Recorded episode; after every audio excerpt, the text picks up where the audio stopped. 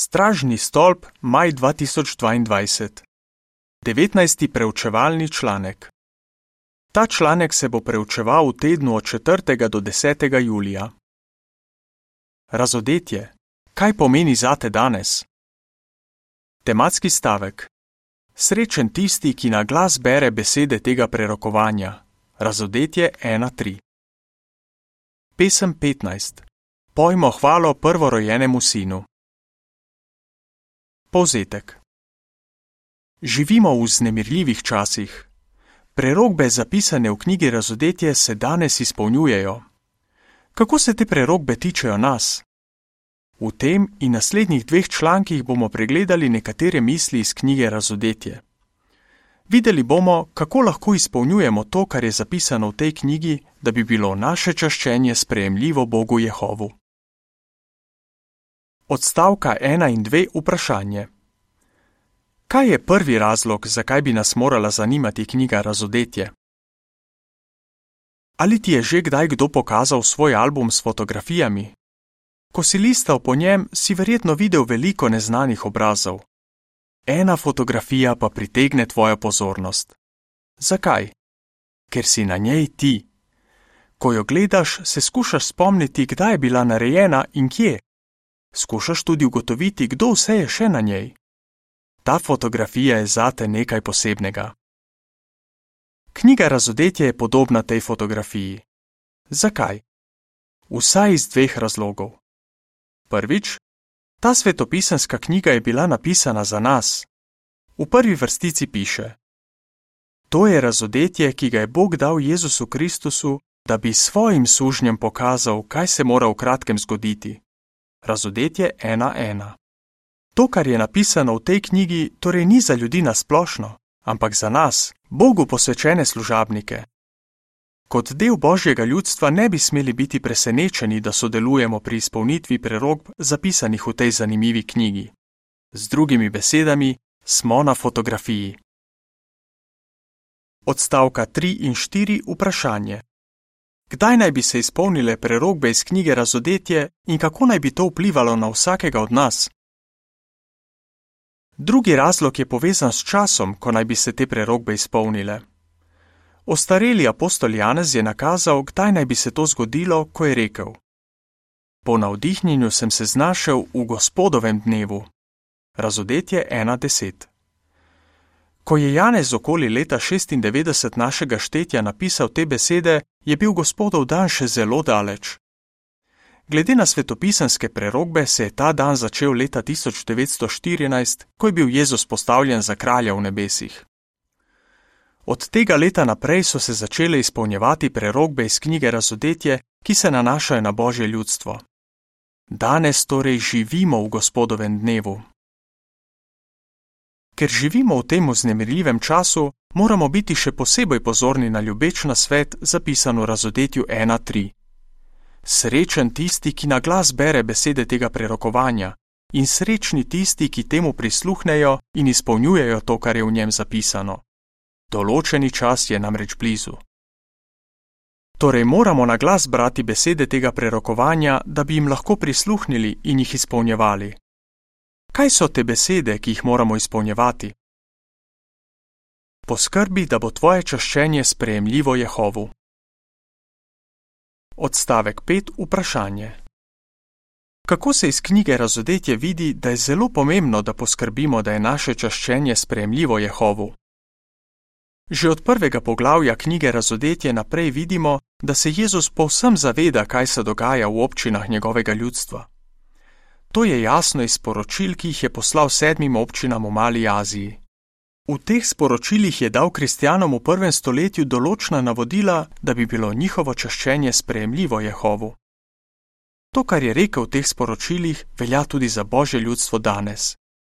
Kaj se iz tega naučimo? Naš voditelj Jezus Kristus se dobro zaveda, v kakšnem duhovnem stanju smo. On nas vodi in ščiti. Nič ne more uiti njegovim očem. Ve, kaj moramo delati, da bi nas Jehova še naprej odobraval. Katera navodila je Jezus dal, ki jih moramo izpolnjevati tudi mi danes? Odstavek 6. Vprašanje A. Katero težavo je imela občina v Efezu glede na Jezusove besede iz razodetja 2, 3 in 4? Vprašanje B. Kaj se iz tega naučimo? V razodetju 2, 3 in 4 piše: Prav tako si zdržljiv. Marsikaj si že prenesel zaradi mojega imena, ampak se nisi utrudil. Vendar ti očitam to, da si izgubil svojo prvotno ljubezen. Ne smemo izgubiti svoje prvotne ljubezni do Jehova. Iz Jezusovega sporočila kristjanom v občini v Efezu se vidi, da so bili zdržljivi in da so služili Jehovu, čeprav so imeli veliko težav. Kljub temu so izgubili svojo prvotno ljubezen. Morali so jo ponovno pokazati, drugače njihovo čaščenje ne bi bilo več spremljivo Jehovu. Podobno je danes. Ni dovolj, da samo zdržimo. Zdržati moramo s pravim razlogom. Bogu ni pomembno samo to, kaj delamo, ampak tudi zakaj to delamo. Pomembni so mu naši motivi, ker pričakuje, da ga častimo zato, ker ga imamo zelo radi in smo mu hvaležni. Odstavek 7. Vprašanje A. Katero težavo je imela občina v Sardah, kot opiše v razodetju 3.1-3? Vprašanje B. Kaj moramo delati mi danes? V razodetju 3.1-3 piše: Angelu občine v Sardah napiši: Tisti, ki ima sedem božjih duhov in sedem zvest, govori takole: Vem za tvoja dejanja, znan si potem, da si živ, v resnici pa si mrtev.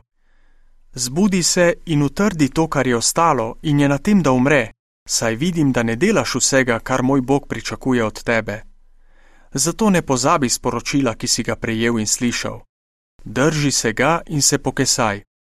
Če pa se ne boš zbudil, bom prišel kakor tat in ne boš vedel, kdaj bom prišel. Še naprej moramo biti budni. Kristijani v občini v Sardah so imeli drugačen problem. V preteklosti so bili duhovno aktivni, sedaj pa niso bili več. Zato jim je Jezus rekel, naj se zbudijo.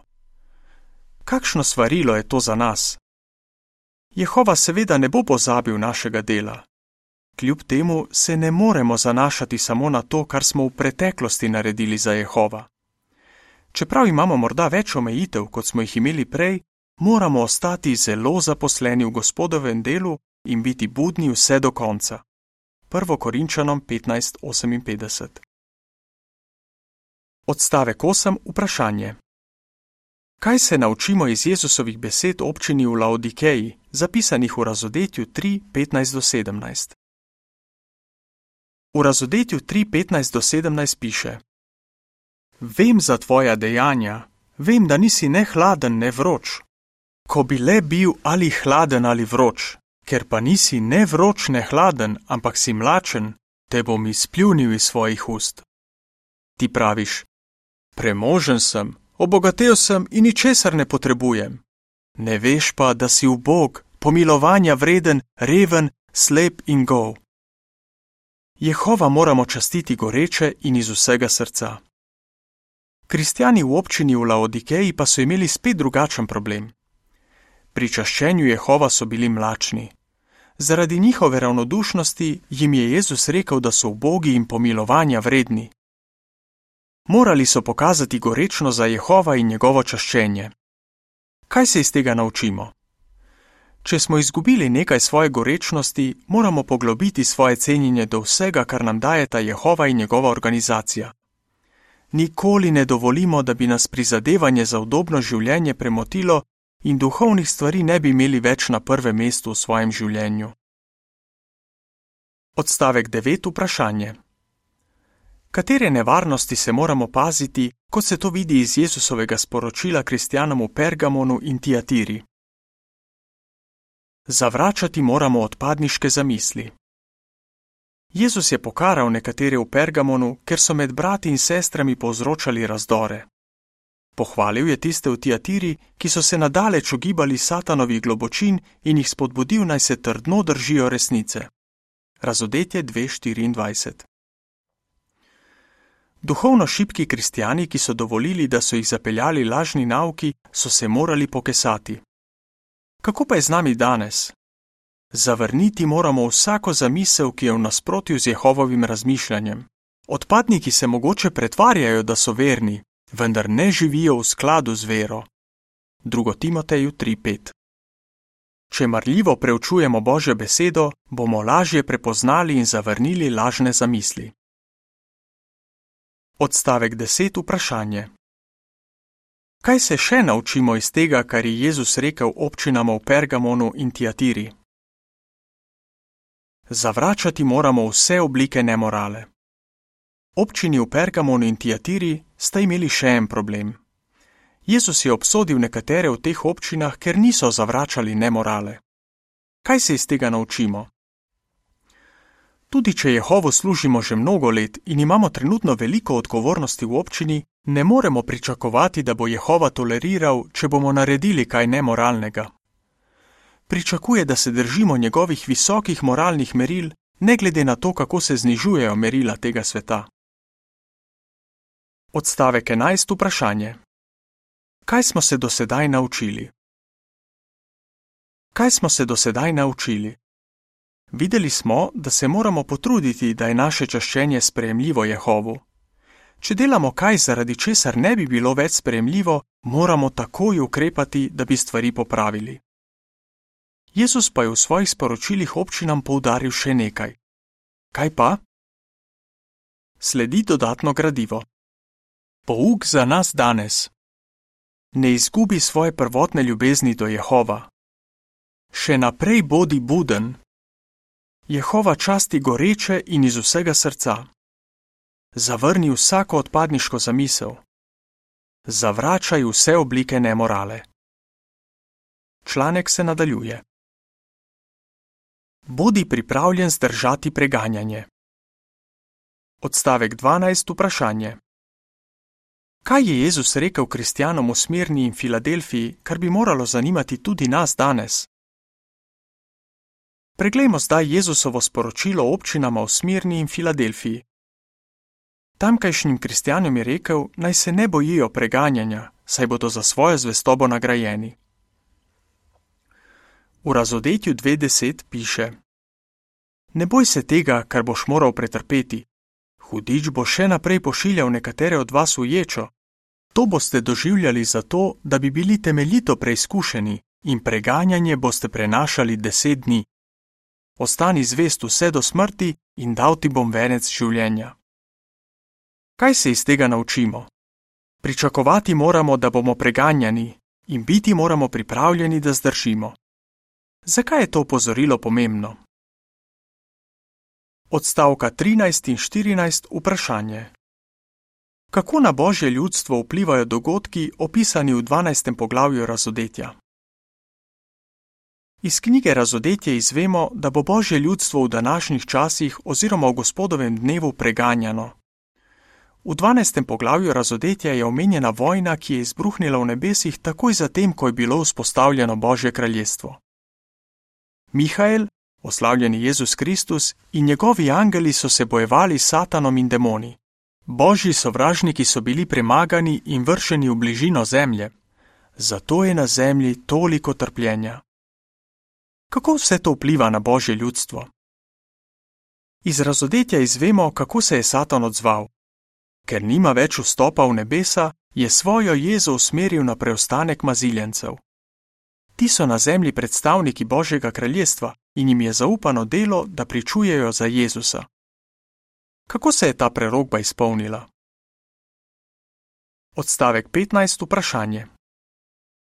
Koga predstavljata dve priči, omenjeni v 11. poglavju razodetja, in kaj se je z njima zgodilo? Satan je sprožil napad na maziljene brate, ki so vodili v oznanjevanju. Te brate v knjigi Razodetje predstavljata dve priči, ki sta bili ubiti. Leta 1918 je bilo osem izmed odgovornih bratov na podlagi lažnih obtožb obsojenih na zelo dolge zaporne kazni. Z človeškega gledišča je bilo videti, da je bilo delo teh maziljencev tako rekoč ubito oziroma končano. Odstavek 16. Vprašanje. Kaj osupljivega se je zgodilo leta 1919, toda kaj Satan še naprej dela? Prerogba iz 11. poglavja razodetja tudi pove, da bosta priči po kratkem času spet oživeli. Ta prerogba se je izpolnila na osupljiv način manj kot eno leto zatem, ko so maziljene brate zaprli. Marca leta 1919 so bili izpuščeni iz zapora in kasneje oproščeni vseh obtožb. Takoj so se lotili dela povezanega s kraljestvom. Toda Satan ni nehal napadati božjega ljudstva. Od takrat naprej je proti vsem božjim služabnikom usmeril preganjanje podobno reki. Zato vsak od nas potrebuje zdržljivost in vero. Razodetje 13.10 V pripisu k sliki piše: Kako je Satan napadel božje ljudstvo, zatem ko je bil vržen iz nebes? Bodi zelo zaposlen z delom, ki nam ga je dal Jehova. Odstavek 17. Vprašanje. Kakšno nepričakovano pomoč je dobilo božje ljudstvo, čeprav je bilo tarča satanovih napadov? V 12. poglavju razodetja izvemo, da bo božje ljudstvo dobilo nekaj pomoči iz nepričakovanega vira. Bo, kot bi zemlja pogotnila reko preganjanja. Razodetje 12:16 Točno to se je zgodilo. Včasih so bolj razumni elementi satanovega sveta, kot so določeni sodni sistemi, pomagali božjemu ljudstvu. Jehovovi služabniki so večkrat zmagali na sodiščih in tako dobili neko mero svobode. Kako so to svobodo izkoristili? Ta čas so modro uporabili za to, da so opravljali delo, ki jim ga je dal Jehova. Kaj spada k temu delu? Odstavek 18. Vprašanje. Kaj je naše glavno delo v teh zadnjih dneh? Jezus je napovedal, da bo njegovo ljudstvo po vsej zemlji oznanjalo dobro novico o kraljestvu, preden bo prišel konec. Pri tem nam pomagajo angeli, za katere piše, da oznanjajo večno dobro novico prebivalcem zemlje, vsakemu narodu, rodu, jeziku in ljudstvu. Razodetje 14.6 Odstavek 19. Vprašanje. Katero sporočilo morajo še oznanjevati tisti, ki ljubijo Jehova? Dobra novica o kraljestvu ni edino sporočilo, ki ga mora Božje ljudstvo oznaniti. Podpirati mora tudi delo angelov, opisanih v razodetju od 8. do 10. poglavja. Ti angeli objavljajo nadloge, ki jih bodo doživeli tisti, ki zavračajo Božje kraljestvo. Zato Jehovove priče razglašamo sporočilo obsodbe podobno toči in ognju. Razodetje 8:7 To sporočilo razkriva Božje obsodbe nad različnimi elementi satanovega hudobnega sveta. Ljudje morajo vedeti, da je konec blizu, da bi lahko v življenju naredili korenite spremembe in preživeli dan Jehovove jeze. Toda to sporočilo ni priljubljeno. Zato, da ga razglašamo, potrebujemo pogum. Sporočilo obsodbe, ki ga bomo razglašali med veliko stisko, pa bo postalo še bolj ostro. V pripisu k sliki piše: Kateri dve sporočili razglaša Božje ljudstvo? Izpolnjuj besede tega prerokovanja. Odstavek 20. Vprašanje. Kaj bomo pregledali v naslednjih dveh člankih? Ker sodelujemo pri izpolnitvi tega, kar beremo v knjigi Razodetje, moramo upoštevati besede tega prerokovanja. Razodetje 1.3. Toda kako lahko zvesto ustrajamo kljub preganjanju in še naprej pogumno oznanjamo ta sporočila? Moč nam lahko da dvoje. Prvič, to, kar knjiga Razodetje razkrije o božjih sovražnikih, in drugič, blagoslovi, ki jih bomo v prihodnosti dobili, če ostanemo zvesti. O tem bomo govorili v naslednjih dveh člankih. Kako bi odgovoril? Kaj se naučimo iz Jezusovih sporočil sedmim občinam? Zakaj moramo biti pripravljeni na preganjanje? Katero delo mora Božje ljudstvo opraviti v času konca? Pesem 32. Pridi k Jehovu. Konec članka.